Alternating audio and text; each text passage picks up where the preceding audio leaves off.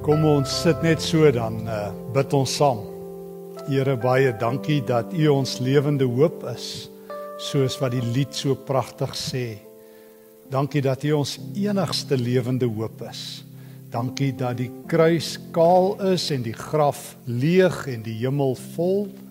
Dankie dat ons hoop het in 'n hooplose wêreld. Dankie dat U naam die naam van hoop en lewe is. Dankie Here dat U woord in hierdie dae lig vir ons pad en 'n lamp vir ons voet is. Gebruik dit asseblief so. Laat die Heilige Gees ons vanoggend in die volle waarheid lei en vanaand en elke dag wat ons lewe.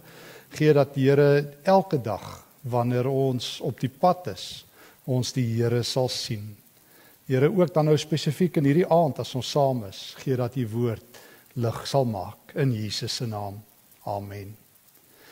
Nou ja, ehm um, almal ken hierdie hand sanitizers. 'n Mens ehm um, beklei dees daar hieroor.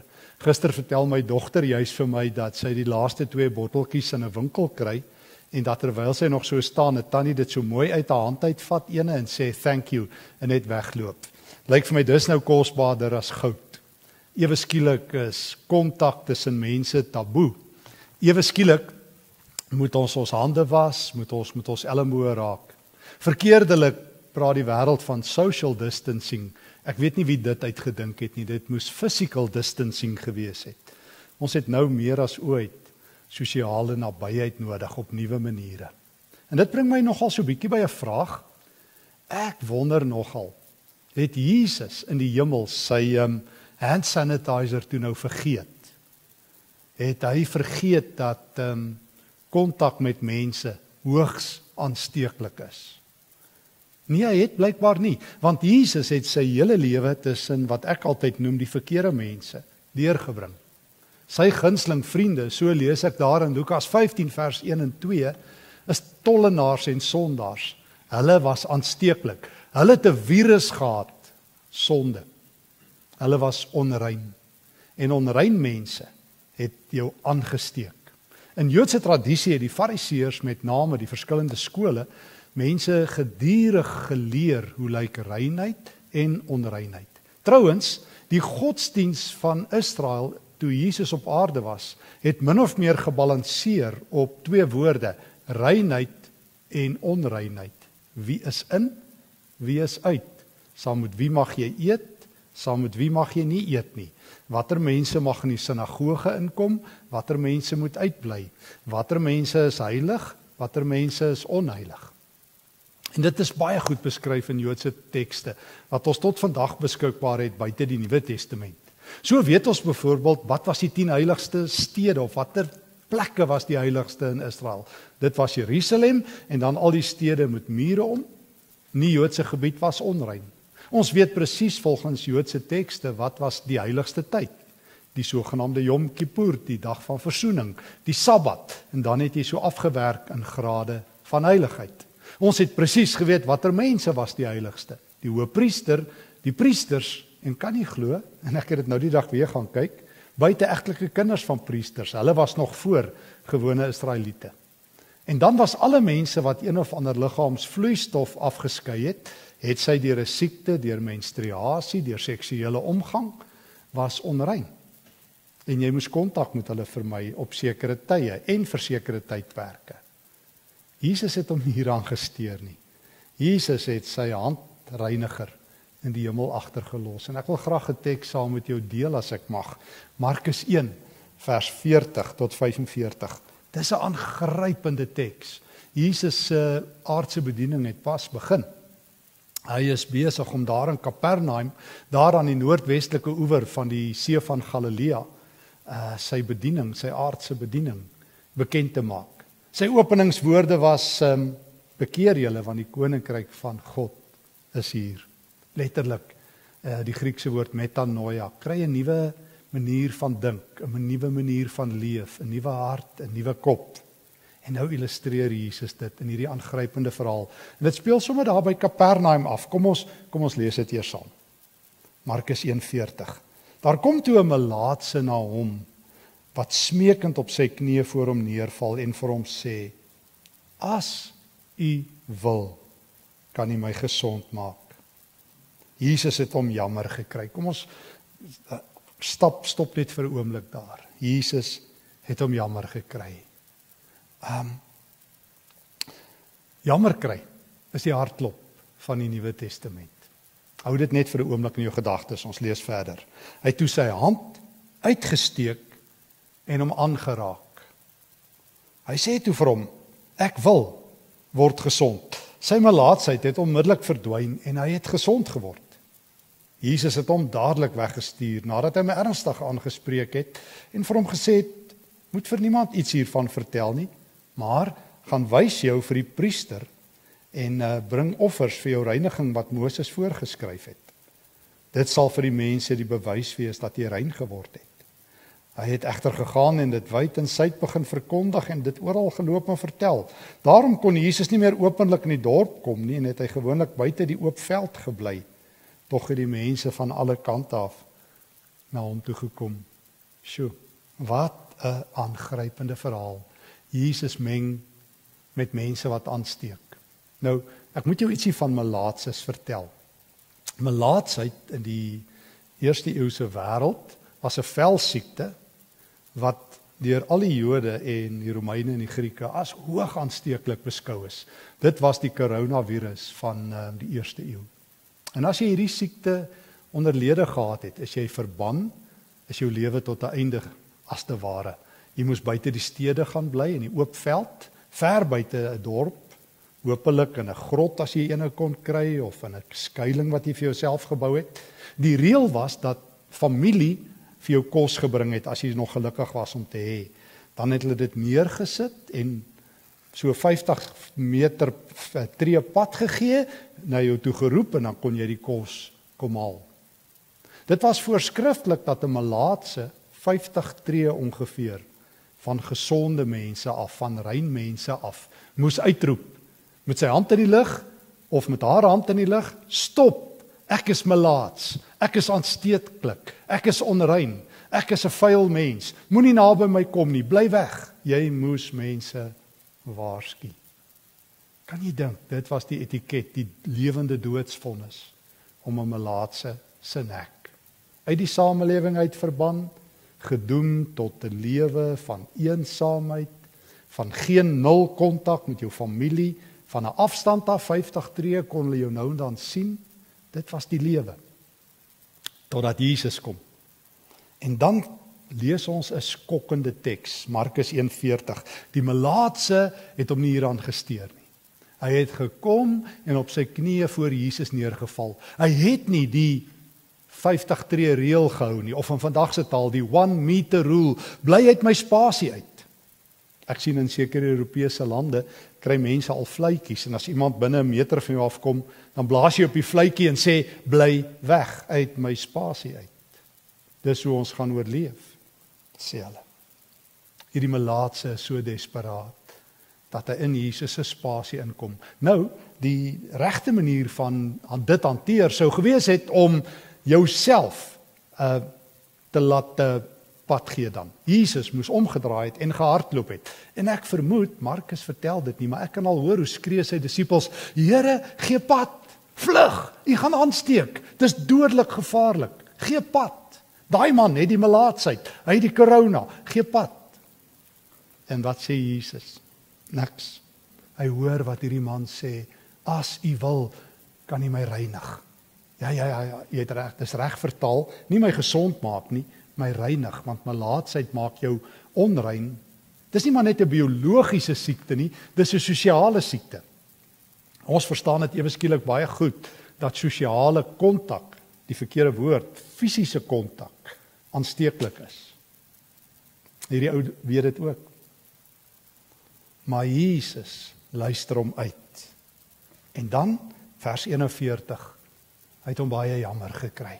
Nou ek het al 'n paar keer in my lewe oor oor hierdie Griekse woord gepraat en ek moet dit vanaand weer doen. Die Griekse woord wat hier gebruik word, dink ek, is die mees intiemste emosionele term in die hele Nuwe Testament. Agape is die gunsteling woord vir die liefde van God. Anderster as ander Griekse woorde vir die liefde. Dit gee God se hart. Dit laat jou diep in God se omgee, loyale liefdevolle hart inkyk. Agape sê God is onvoorwaardelik lojaal. Maar as jy wil weet hoe klink God se emosies, splag nie somai is die Griekse woord. En weet jy wat dit kom net in Matteus, Markus en Lukas voor vir God en vir Jesus. Dit is die unieke emosie van God. Jy hoor dit um, 'n paar keer in Markus. En hier is dit die eerste keer. Jy hoor dit elke keer as Jesus die brood vermeerder, Markus 6, Markus 8. Jy hoor dit in Matteus 9 as Jesus na die skare kyk, so skape sonder 'n herder, dan splag niets om my Jesus. Dit beteken sy hart skeur. Want splag niets om my beteken in die ou Griekse wêreld dat jou ingewande begin roer. Dat alles hier binne in jou. En jy sal dit verstaan as jy as jy as jy baie slegte nuus kry of baie goeie nuus, dan voel dit of alles hier binne in jou ruk. Daai skok of daai diep vreugde. Dis wat met Jesus gebeur. Sy uh, binnekant roer. Uh diep medelee. Dis Jesus in volkleur. Dis die ware Jesus. Nie Jesus met weerligstrale wat hy die hemel uitbring nie. Jesus se saniteerder. Sy hand sanitizer is 'n hart wat lek vir 'n stikkende wêreld vir 'n wêreld wat sterf. En dan dan skeur sy hart, soos wat dit skeur in Markus Matteus 9 vers 36 vir daai skare wat so skape sonder 'n herder is. Soos wat sy hart skeur vir daai twee blindes daar buite Jeriko in Matteus 20. Soos wat sy hart skeur in Lukas 7 vir daai weduwee wie se kind gesterf het. Soos wat sy hart skeur in soos ek gesê het in Markus 6 en Markus 8 of Matteus 14 as hy hierdie skare sien wat nie kos het nie. O Jesus se hart lek vir 'n korona wêreld, want dit het gelek vir 'n melaatse wêreld en vir 'n siek wêreld en 'n sondige wêreld. Jesus het gekom en hy het sy hand saniteerder in die hemel gelos en gesê ek gaan tussen julle loop. Ek gaan julle las vat en dit myne maak.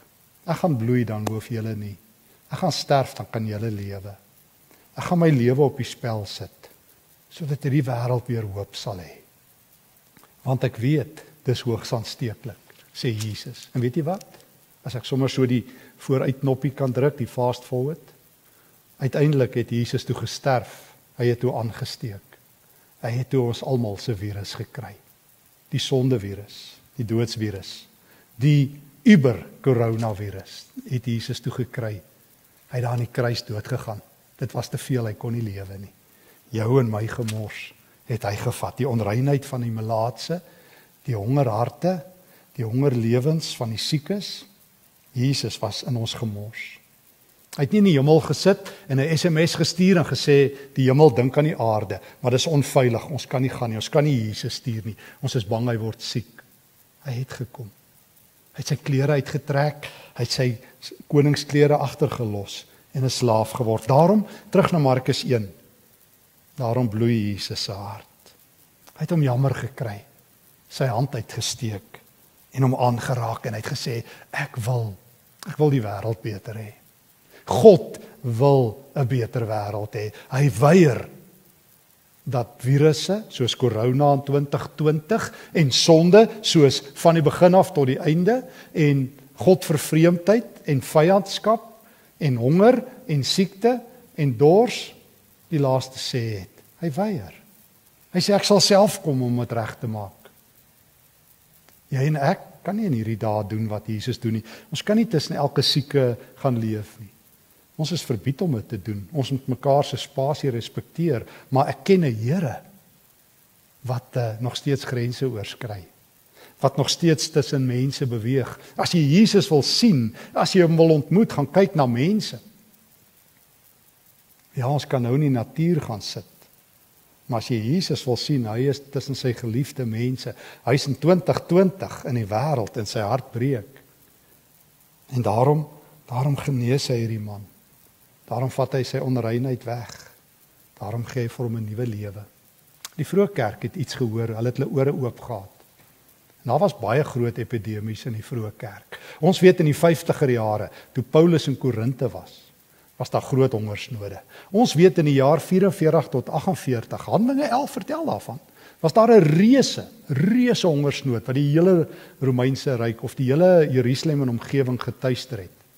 Die buitebybelse skrywer Flavius Josephus vertel vir ons dit het so sleg gegaan in Jerusalem dat koning Adiabene haar goud verkoop het en die kos vir die mense in Jerusalem gebring het. Maar mense lees dikwels by Handelinge 11 verby, daar vers 44. Waar Paulus en Barnabas, hulle was in die stad Antiochië, kos bymekaar gemaak het en afgebring het Jerusalem toe. En vir Jerusalem kos gebring het vir die Christene. Ja, God is nog steeds op straat. Hy hy's nie in die hemel nie. Daar ook, ekskuus, hy's daar ook, maar nie net nie.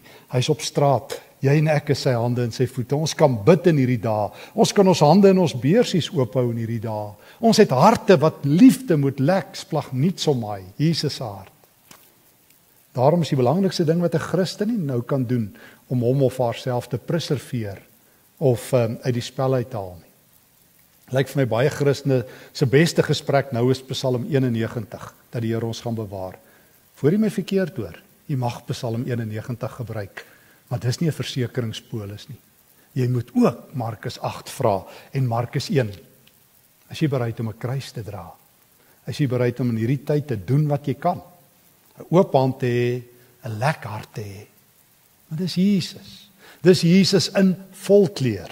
Dis Jesus tussen die melaatses en die siekes, die bloeiendes. Ek wil afsluit. Vrydag moes ek ehm um, 'n seminar doen, 'n internet seminar vir die universiteit. En uiteindelik het 'n klomp gemeenskapsleiers hierdie digitale gesprek meegedoen van 'n uur of wat. En ek onthou een um, plaaslike leraar vertel wat in baie arm dele in Suid-Afrika werk. Weet julle wat dit is as 10 mense nou in een vertrek is? Weet julle wat dit is waar kinders deur hulle ouers gemolesteer word? Nou moet hulle in daai selfde plek bly vir 2-3 weke. Hoe gemaak? Dit is maklik om te sê bly binne huis. Dis maklik vir middelklas mense wat kan televisie kyk en internet toegang het. Maar weet jy wat? Jesus is ook tussen die armes. En jy en ek. Jy en ek kan ons hande saniteer.